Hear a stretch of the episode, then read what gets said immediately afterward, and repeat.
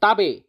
Selamat datang di Siniar Antipol. Yang mana kita akan ngomongin apa pun kejadian yang sedang hip, yang sedang populer, apa pun dalam maupun luar negeri dibahas dari perspektif gua. Tapi sebelum itu, kita masuk ke intro dulu.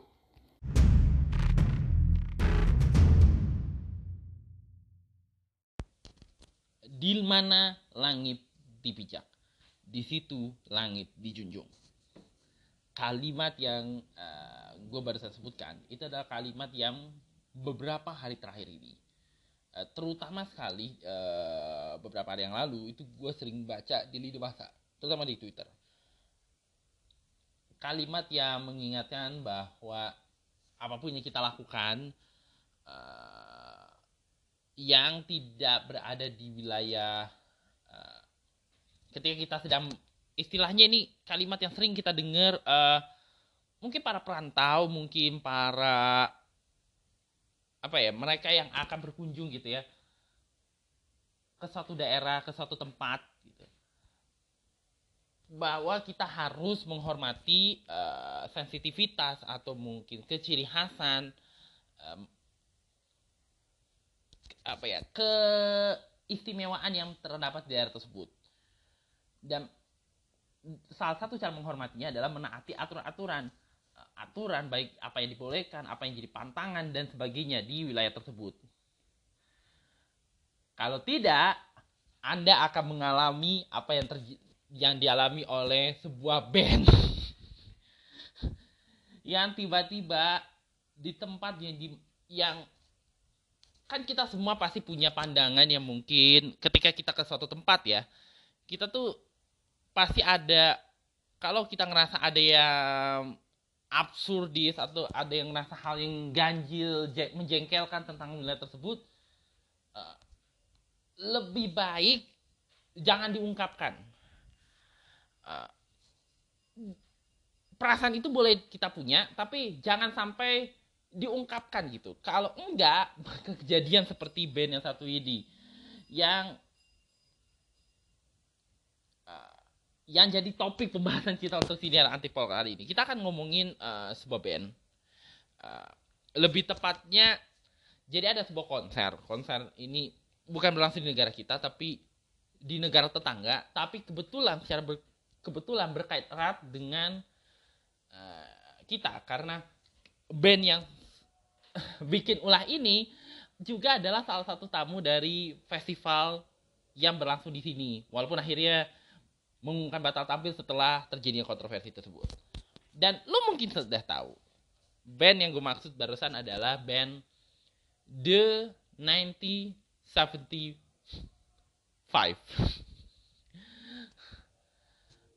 Jujur ya, waktu dengar kejadian ini tuh gue nggak begitu ngeh siapa The 1975 ini.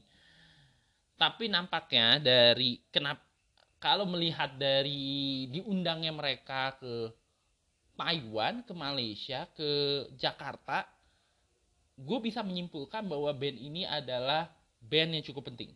Sorry di rumah gue lagi ada gue rekaman di ruang tamu, uh, agak nembus ke rumah soalnya, jadi kedengeran speakernya. Sorry ya.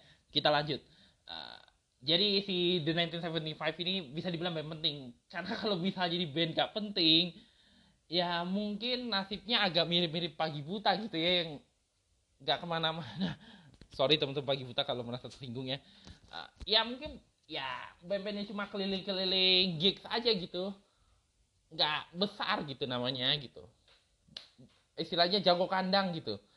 Uh, udah nama besar juga di industri musik, banyak penggemarnya juga di banyak negara. Dan kemudian kayaknya ini bagian dari tur mereka gitu. Yang salah satunya mendatangi beberapa negara di Asia. Termasuk tiga yang tadi gue sebutin, Kuala Lumpur, Jakarta, dan Taiwan. Sorry.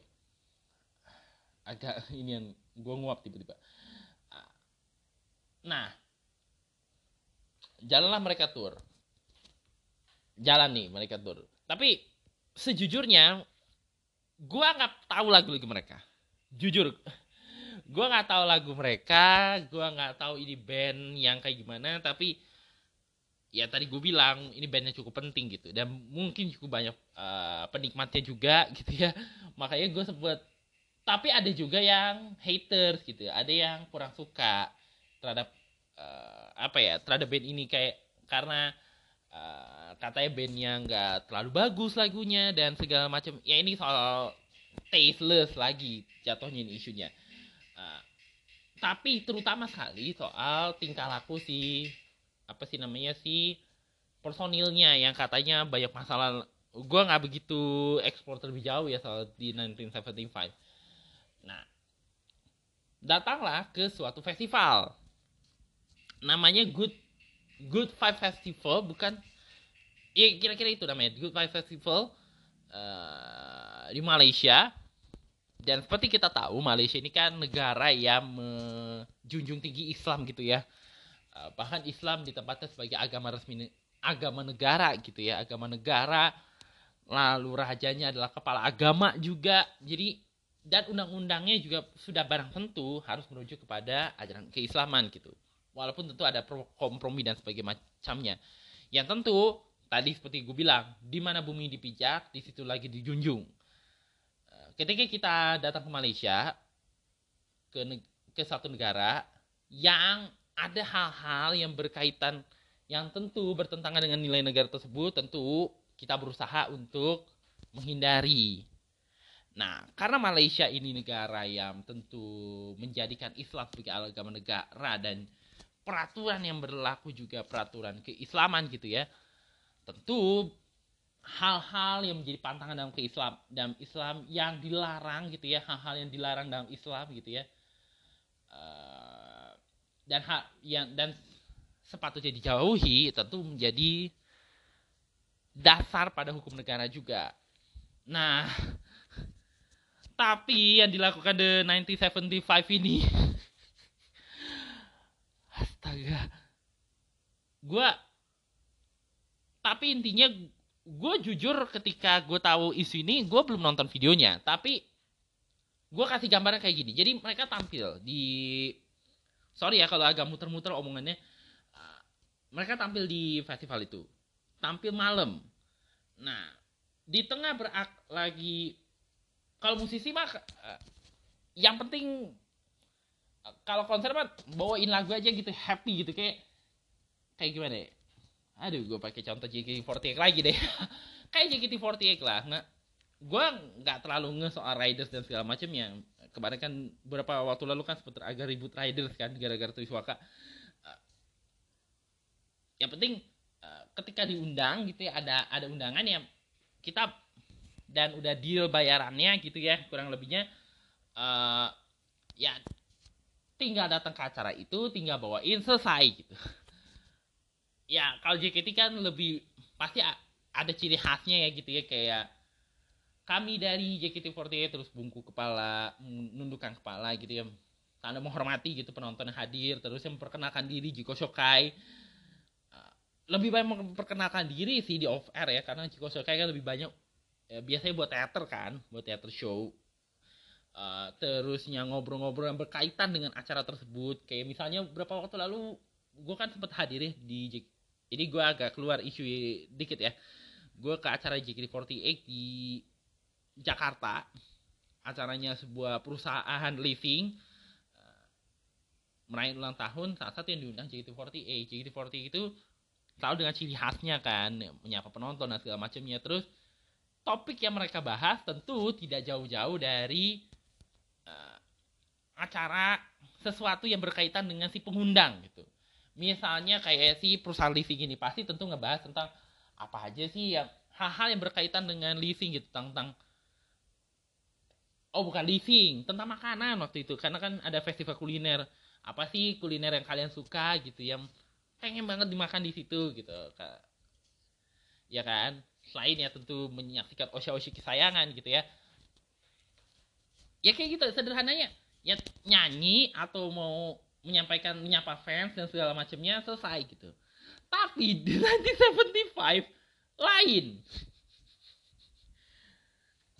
Abis nyanyi lagu nih mungkin lu yang udah nonton video ngerti. Uh, si Matt Harvey atau siapa gitu nama si vokalisnya eh, tiba-tiba nge-speech. Uh, nge-speech. Ya mungkin nyapa penonton dan segala macamnya nah di tengah nyapa penonton itu dia tiba-tiba kayak ngomongin sesuatu yang berkaitan erat dengan negara yang mereka kunjungi.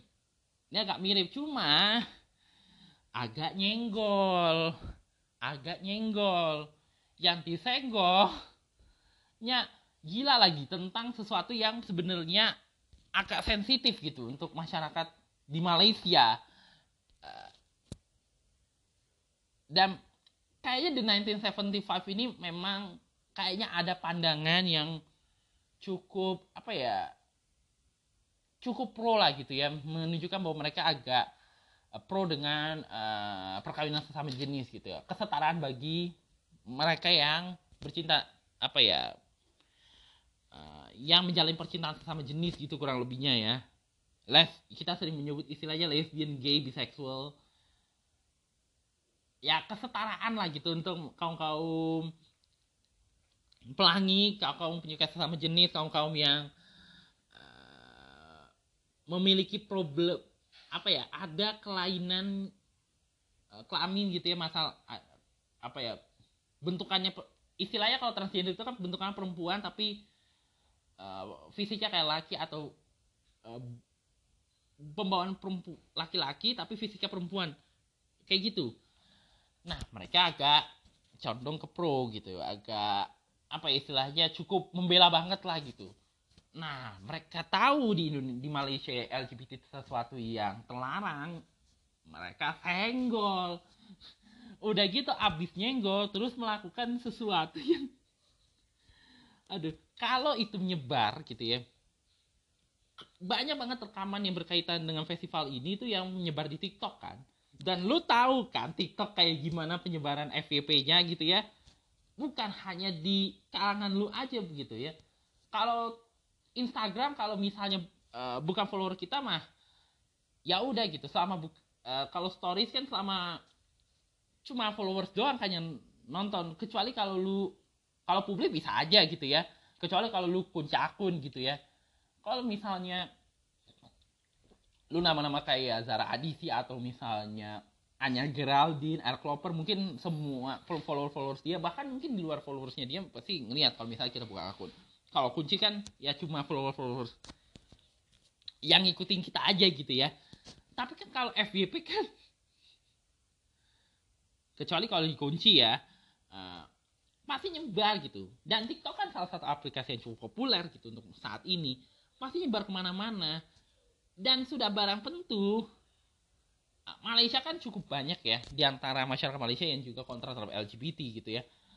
Begitu ini nyebar aksi si uh, si siapa sih namanya si Matt Harley ini uh, Bro ini yang agak nyinggol uh, aturan hukum mengenai LGBT di Malaysia terus melakukan aksi yang ini sih beneran sih ciumannya beneran dia cium gitarisnya gitu ya kissing dengan bukan cium kening bukan cium pipi gitu ya.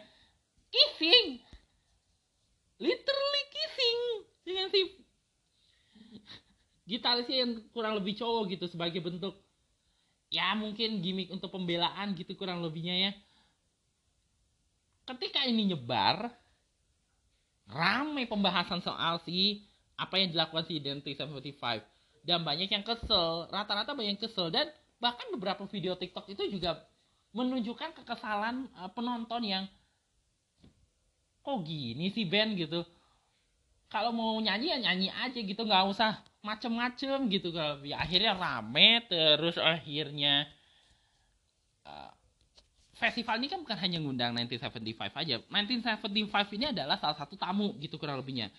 Uh, banyak artis-artis lain yang juga tampil termasuk artis lokal dari Malaysia ini sama aja gitu ya kayak artis-artis yang ngundang artis internasional sebagai headliner atau penampil internasional sebagai headliner tapi ada juga artis Indonesia yang juga ikut ngisi kayak Java Jet, uh, We The Fast, terusnya kayak Sonrenalin kayak apa sih namanya Hammer Sonic ya kayak gitu. Uh, terus ada video lagi yang orang-orang pada ninggalin 1975 tampil kan karena macam-macam abis itu nggak lama setelah mereka berulah ini langsung di stop dong acaranya. Terus ramai kan pembahasan mengenai si nanti 75 kayaknya gue mesti baca uh, Instagram deh atau Twitter gitu ya berkaitan dengan kejadian ini. Karena kemudiannya akhirnya uh, uh, pihak berkuasa Malaysia uh, kepolisian merespon tentu dengan menghentikan acara gitu ya. Mungkin meminta untuk acara dihentikan karena udah keterlaluan. Bahkan udah sampai ke telinga menteri.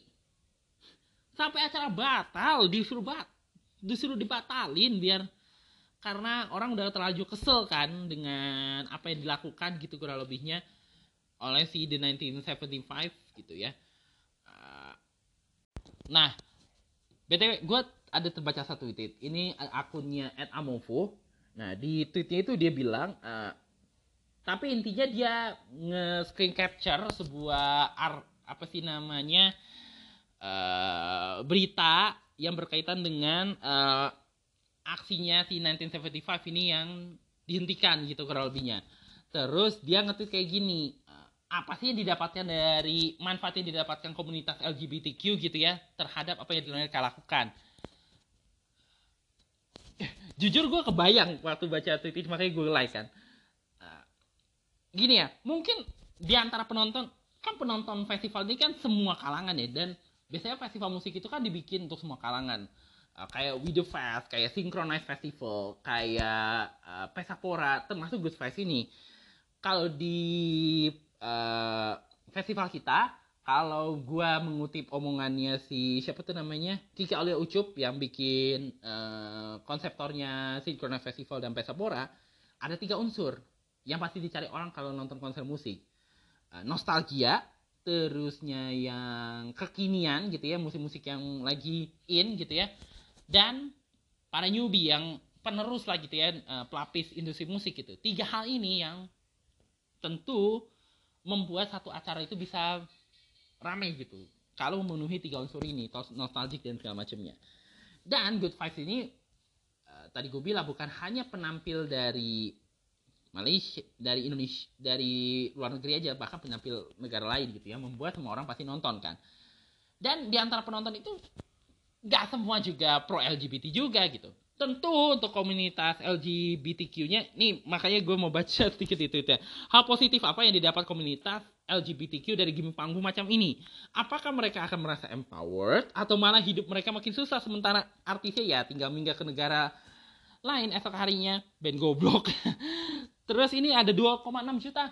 Yang ngeliat tweet ini. Bahkan eh, terusnya gue baca lagi yang yang retweet 3204 yang kutip tweet ini 1304 yang memberi tanda suka 18000 oh banyak yang bersependapat dengan orang ini ya. Mungkin uh, sebagiannya juga haters yang 1975 gue nggak tahu juga. Uh, gue lanjut lagi soal festival musik kan. Nggak semua penonton ini juga kalangan yang pro LGBT dan gue sependapat juga gitu. Uh, penonton konser musik kan semua kalangan gitu ya. Yang mungkin untuk yang pro gitu ya terhadap LGBTQ yang pro terhadap hal-hal yang berkaitan dengan percintaan sama jenis merasa wow suara kita didengar nih gitu. Ada yang membela suara kita. Tapi ada juga yang ngerasa kayak apaan sih? Yang biasa aja mungkin ya terutama yang biasa aja ngerasa ah gue cuma nonton musik. Tapi jangan lupa tidak sedikit di antara ini yang tentu paham dengan sensitivitas sensitivitas di Malaysia juga ngerasa kayak hey what the hell? Apa yang lu ngomongin barusan nih? What the fuck? Gitu. Atau istilahnya apa nih? Apa nih apa nih yang tidak buatnya ya kan akhirnya dihentikan kan bukan hanya aksinya di 1975 dihentikan bahkan acara The Good Five-nya dibatalkan terus ya The 1975-nya nggak dibolehin tampil di mana-mana acara apa pun di Malaysia dan ini terjadi setelah Menteri Komunikasi dan Digital Malaysia, Fahmi Fazil. Ini nama yang sebenarnya gue nggak asing sih. Mungkin lu yang mungkin nggak terlalu uh, ya biasa-biasa aja non uh, baca berita yang biasa-biasa aja gitu ya, yang terlalu nggak mau terlalu tahu urusan luar negeri, mungkin nggak ngeh dengan nama Fahmi Fazil gitu ya. dan baru dengar setelah isu ini tapi untuk gue yang mengikuti uh, isu di Malaysia ini bukan nama baru sebenarnya dia seorang uh, ya pasti dia adalah seorang tokoh yang berasa uh, cukup berpengaruh lah karena gue kan ngikutin isu dari Malaysia kan dari waktu kerajaan uh, Pakatan Harapan yang waktu itu masih di bawah Mahathir gitu ya uh, berkuasa sampai yang sekarang di bawah Anwar selaku perdana menteri. Uh, Fahmi Fasil ini adalah salah satu bagian dari tokoh Pakatan Harapan. Uh, sempat jadi pemerintah terus untuk beberapa waktu jadi oposisi terus jadi pemerintah lagi bekerja sama dengan Barisan Nasional. Dan ya mungkin Anwar Ibrahim ini kan cukup dikenal ya. Uh, sering dikritisi, ah, jangan-jangan dia memba- mau membelokkan Malaysia karena nggak bener gitu. Dan sering diinin juga lah gitu, akan membawa kepentingan-kepentingan yang merusak Malaysia gitu kurang lebihnya. Tapi banyak di antara yang mungkin antara pura-pura nggak tahu atau mungkin karena kebencian juga gitu ya. Tidak tahu bahwa sebenarnya Anwar Ibrahim ini seorang tokoh Islam cukup berpengaruh gitu, cendekiawan muslim yang berpengaruh gitu. Dan gak mungkin lah seorang yang cukup aktif mantan aktivis Islam mengangkangi Islam juga itu aneh sekali ya dalam hati gue. Apalagi mengangkangi aturan Malaysia. Makanya ya dasarnya sejalan dengan aturan yang berlaku di Malaysia gitu. Walaupun uh, kerajaan ini bisa dibilang menghormati demokrasi lah gitu ya. Dipanggil dong si penganjur festivalnya untuk menge, istilahnya uh, ini prediksi gue ya dalam pertemuan itu uh, jadi untuk mem, apa ya menghindari hal-hal yang tidak diinginkan gitu ya termasuk ya melindungi ya para penampil dan kru daripada tindakan-tindakan uh, segelintir pihak gitu ya yang tidak bertanggung jawab yang melakukan mungkin mau mengganggu gitu ya kenyamanan festival ini mending dibatalin deh. Biar biar tenang situasinya. Nanti soal ini urusan lu gitu untuk mengumumkan uh, apa sih namanya bayaran dan segala macam. Apalagi festival ini kejadian ini berlangsung di tengah apa ya istilahnya Malaysia gitu ya lagi berhadapan dengan pemilihan lokal. Akbar. Pemilihan lokal serentak. Ya pilkada serentak lah gitu ya. Untuk beberapa negeri yang nggak ikut pemilihan umum. Nggak nggak ikut pemilihan umum yang kemarin gitu kan. Kan biasanya kalau pemilihan umum di Malaysia itu set, yang seperti tahun ini gue pelajari lokal dengan dewan nasional itu selalu berbarengan. Tapi kali ini ada beberapa negeri yang pengen selesai dulu lah lima tahun gitu.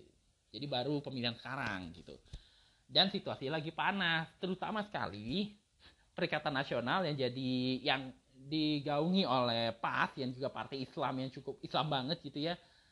Lagi nyerang Anwar berkaitan dengan isu uh, apa ya ya mungkin karena ter, masih terbakar sentimen negatif gitu kurang lebihnya. Dan dalam situasi pemanas ini muncul kejadian ini. Yang tentu pemerintah Malaysia tentu berusaha agar isu ini tidak ditarik ke yang hal-hal yang tidak produktif. Apalagi keadaannya lagi menjelang pemilihan umum gitu pilihan raya gitu ya. Ya sebenarnya tepat gitu secara di sisi lain juga tentu aksinya yang tidak yang tidak menghormati uh, hukum yang dan adat dan sensitivitas yang ber uh, berlaku di Malaysia gitu. Tadi gue bilang kan, di mana langit dipijak, eh di mana bumi dipijak di situ langit dijunjung. Uh, di mana pun lu berkelana gitu tetap walaupun uh, ciri khas kita atau pembawaan kita atau adat yang beras dari bawaan kita ini berbeda dengan adat setempat, tapi kita harus menghormati budaya setempat gitu ya. Hormati dengan baik, jangan e, disenggol gitu. Minimal jangan menyinggung aja gitu. Jangan buat pernyataan-pernyataan yang boleh gitu. Uh, membuat orang itu terasa hati gitu karena lebihnya. Dan dampak dari apa yang terjadi itu akhirnya bu, uh, The 1975 membatalkan penampilannya gitu di Indonesia. Seharusnya mereka tampil jadi headlinernya We The Fest hari ketiga. Akhirnya diisi sama Asap Fur dan diisi juga sama Sila on Seven. Yang menarik, Gus kan akhirnya nonton juga kan FYP TikTok tentang Sila on Seven kan. Terus gue ada terbaca tweet, padahal beberapa jam sebelumnya baru tampil di acara. Acara acara intinya acara dia tampil di acara satu sekolah gitu ya di Ancol. Terus malamnya masih tampil with the five dan dutanya ya menyanggupi untuk tampil gitu untuk ngisi slot yang kosong ini yang ditinggal uh, di 1975 yang gak jadi tampil gara-gara angkara dari perbuatan vokalisnya yang agak absurd ini gitu ya.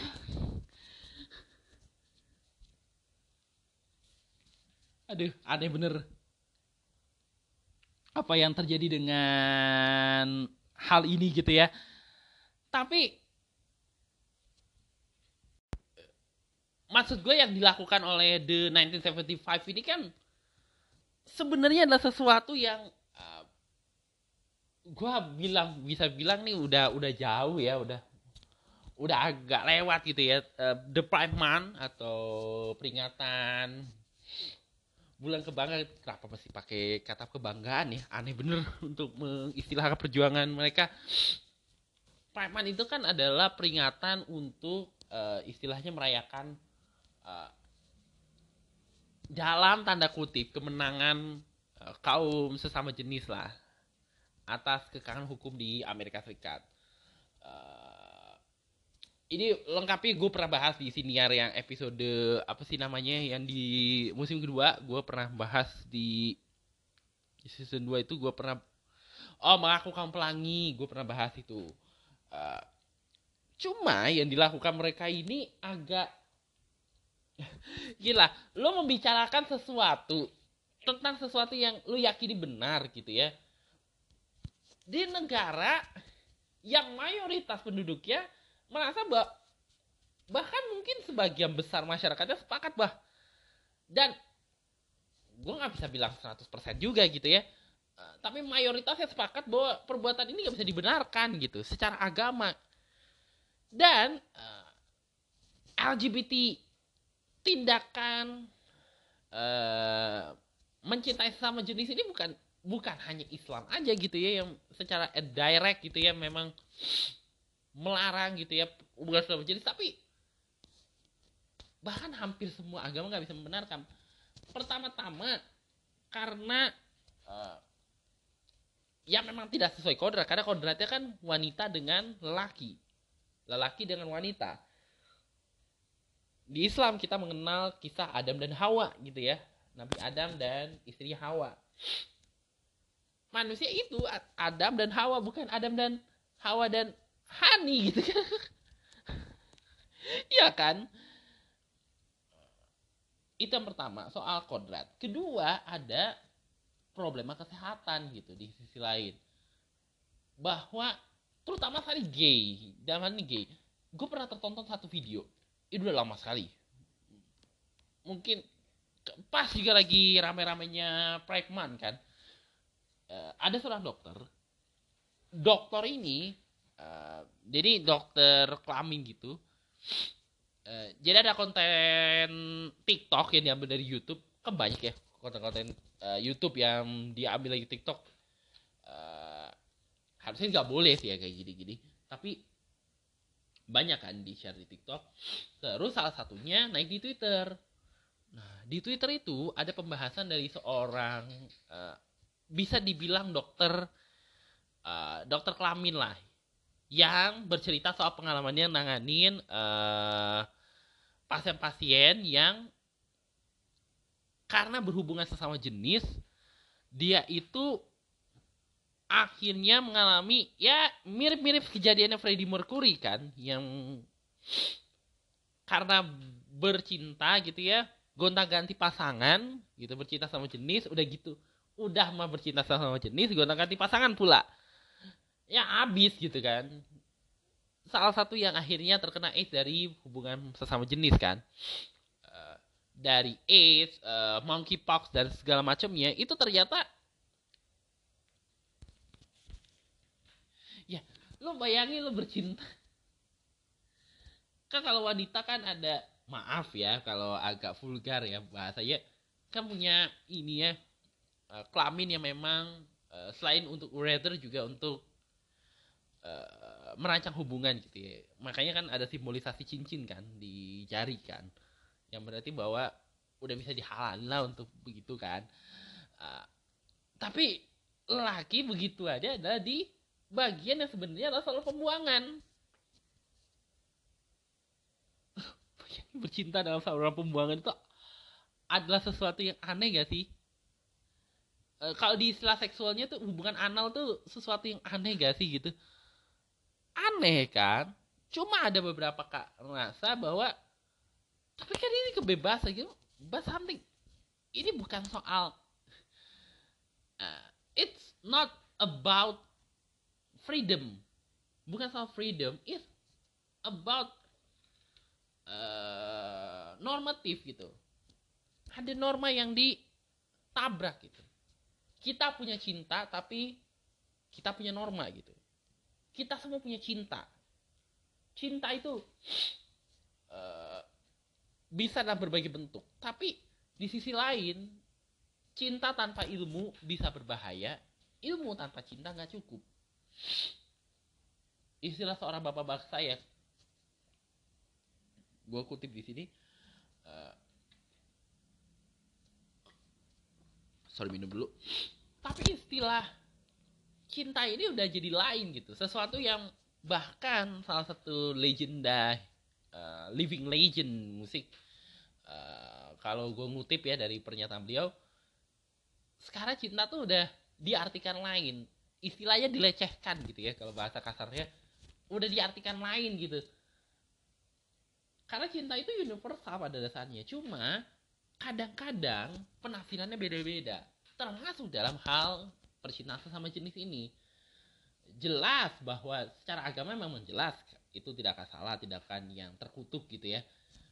Dan secara dan tentu agama berdasarkan pada kenyataan saintik bahwa ada potensi penyakit loh dalam berhubungan ini makanya dilarang. Cuma kita nggak bisa memungkiri bahwa ada yang merasa bahwa itu hak asasi gitu ada yang merasa dan ini nggak bisa dipungkiri nggak bisa kita lawan. Dan di sisi lain nggak bisa kita tolak adanya pihak-pihak ini gitu. Dan nggak bisa kita apa ya bungkam gitu. Bungkam istilah. Nggak bisa kita lewatin bahwa orang-orang ini ada gitu. Kaum ini ada dan pembelanya ada. Jumlahnya gak banyak cuma di lini masa mereka tuh berisiknya luar biasa.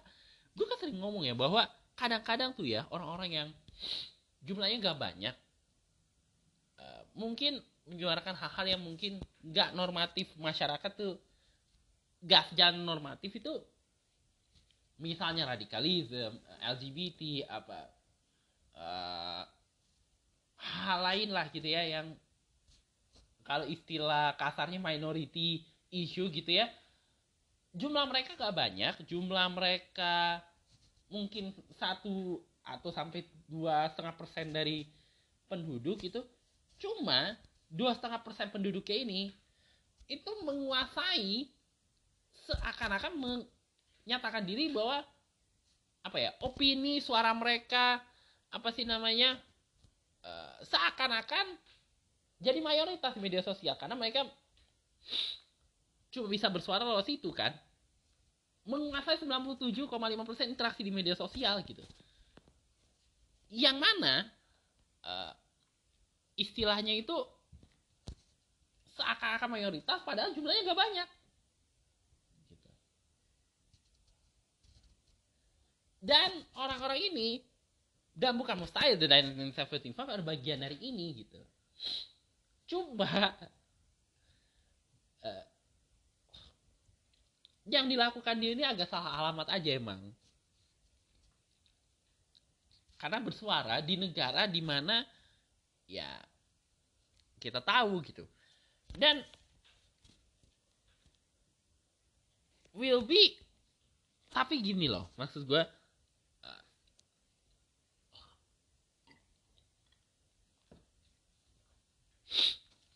the LGBT version kalau soal isu-isu yang gue kan gue akui lah gue juga punya temen yang LGBT kan memang penyuka sama jenis gitu. Ada temen yang transgender dan sebagainya gue punya banyak gitu banyak di sekitar gue. Dan gue gak bisa menafikan mereka gitu.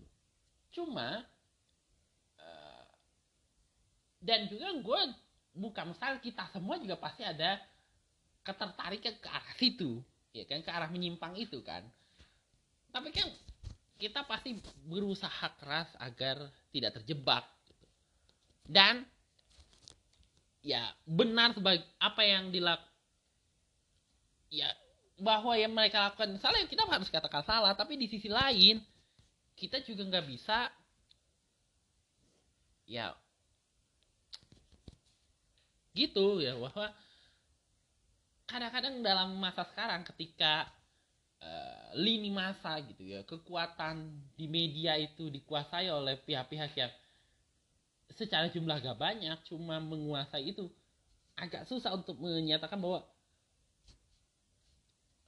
tapi faktanya LGBT itu banyak yang minusnya gitu.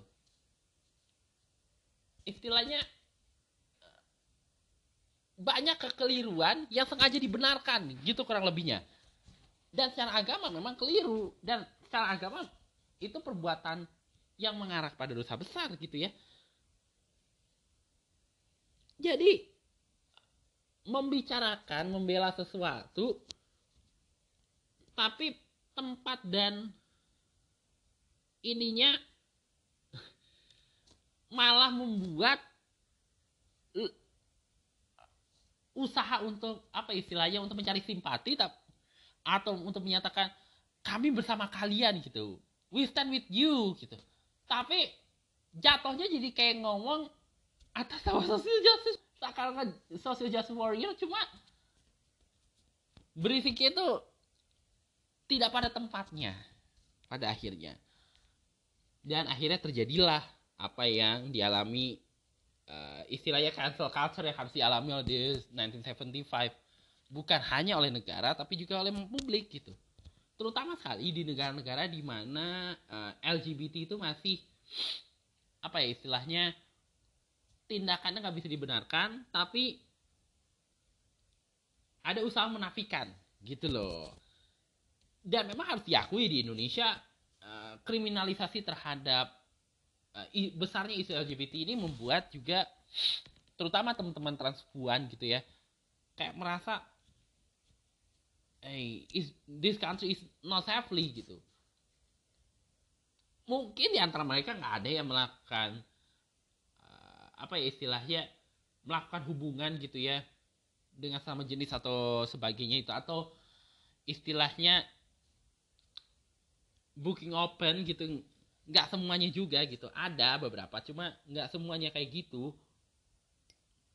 Ya kalau ya mungkin untuk urusan rezeki dan segala macamnya cuma yang jadi concern gue adalah di isu ini adalah bahwa ada yang membela cuma nggak tahu tempat gitu.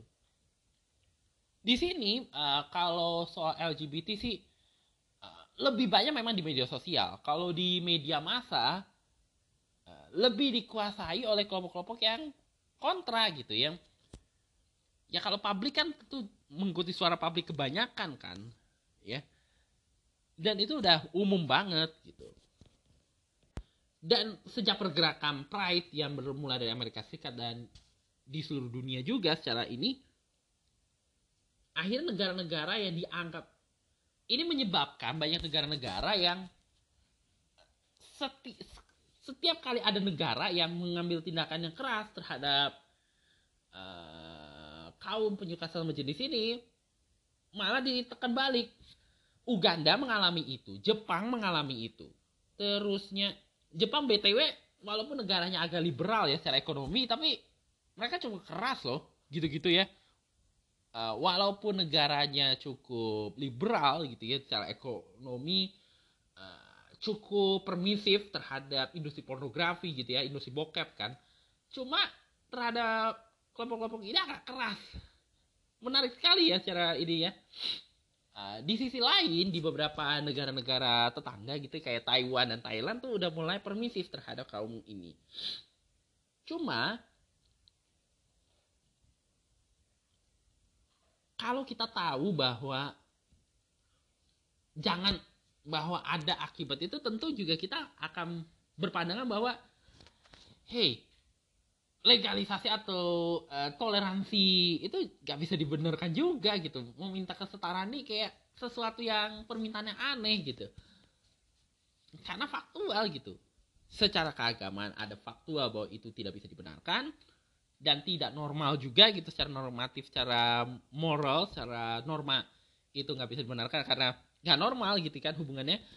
Dan secara kesehatan ada potensi penyakit yang mana publik bisa menyimpulkan bahwa ini nggak bisa hal-hal yang kayak gini nggak bisa sangat mustahil untuk disuarakan dan sangat mustahil untuk dibenarkan.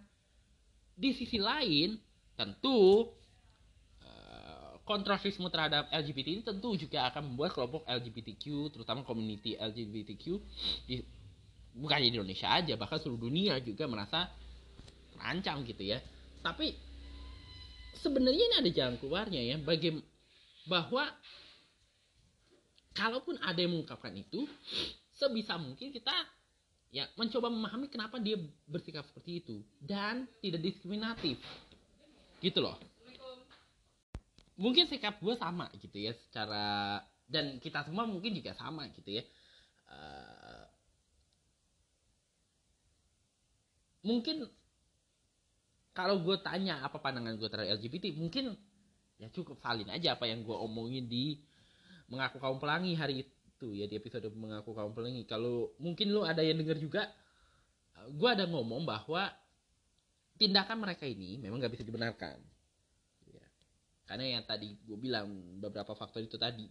Tapi di sisi lain diskriminasi terhadap bukan berarti kita harus menjauhkan mereka mendiskriminasi mereka dan segala macamnya gitu kalau kita punya kemampuan kita harus tolong mereka gitu. Yang mereka lakukan ini menyimpang bah dan ya oke okay lah kalau ada ada argumen bahwa tapi ini bukan penyakit ini ini soal pengungkapan rasa.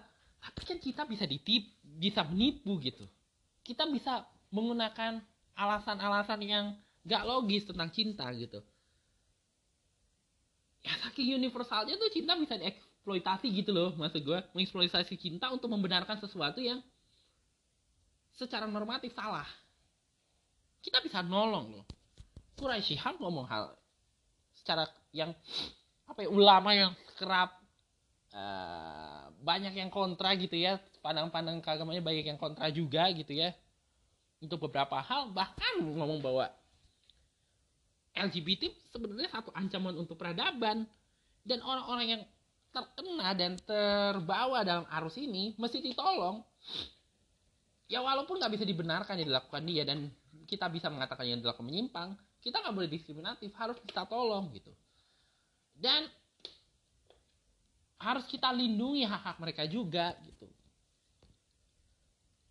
Sembari memandu mereka untuk kembali ke jalan benar. Gitu soal mereka yang membela, tentu mereka tentu mereka punya argumentasi, punya alasan. Cuma uh, ya itu tadi gue bilang ya apa pun gitu ya. Uh, gimana cara ngomongnya ya? Bahwa yang sekalipun itu membela, cuma cara yang mereka lakukan dengan membela sesuatu menyimpang itu dan dilakukan di tempat di mana? Ya tahu tempat lah gitu istilahnya gitu. Agar tidak mengalami hal-hal yang gitu. sekarang udah sampai sampai gue rekam senior ini udah sampai levelnya si 1975 itu udah mau disomasi itu atas apa yang mereka lakukan hal yang absurdis yang mereka lakukan itu. Jadi kalau kita punya pandangan, punya prinsip gitu ya atau apa pun, kita bisa ambil pelajaran lah dari kejadian ini bahwa uh, apa pun yang kita lakukan mesti pikir-pikir gitu. Ketika kita berada di tempat orang gitu, istilahnya di penempatan di tempat yang bukan kampung area kita gitu ya, bukan lingkungan kita, kita setidaknya walaupun mungkin kita kurang suka walaupun mungkin kita berbeda pandangan ataupun berbeda prinsip harus tetap kita hormati gitu. Karena ada sensitivitas yang mungkin bisa menimbulkan hal yang tidak diinginkan. Ada sisi apa sih namanya uh, norma-norma yang harus dipatuhi. Di mana bumi dipijak, di situ langit dijunjung. Di mana kita berada, maka ketentuan-ketentuan setempat itu mesti kita junjung bersama-sama. Gitu. Dan di sisi lain, ketika kita membicarakan sesuatu yang jelas secara faktualnya menyimpang, maka ya harus baik gitu, gak boleh kasar juga. Berusaha baik-baik. Dan kalau mereka masih, misalnya ya teman-teman kita yang de, yang LGBT ini merasa bahwa wah itu apaan sih gitu what the hell gitu setidaknya kita sudah mengingatkan gitu. Tapi kita nggak boleh menyerah dari dari usaha kita ikhtiar kita untuk membawa mereka kembali ke jalan yang benar. Terlepas apakah yang kita lakukan itu bisa ditafsirkan benar atau sebaliknya. Itu aja sih pembahasan panjang gue untuk si Niar kali ini. Semoga ada manfaatnya, maksudnya. Sorry tadi miss. Kalau ada salah kata-kata atau ada hal yang keliru, ya anggap saja itu. Ya. Ya karena gue nggak tahu gak harus tahu semua hal kan. Dan masih banyak hal lagi masih banyak peristiwa lagi yang akan gue bahas dari perspektif gue uh, nantikan aja di edisi berikutnya dari sini Antipol Analitika isu populer new era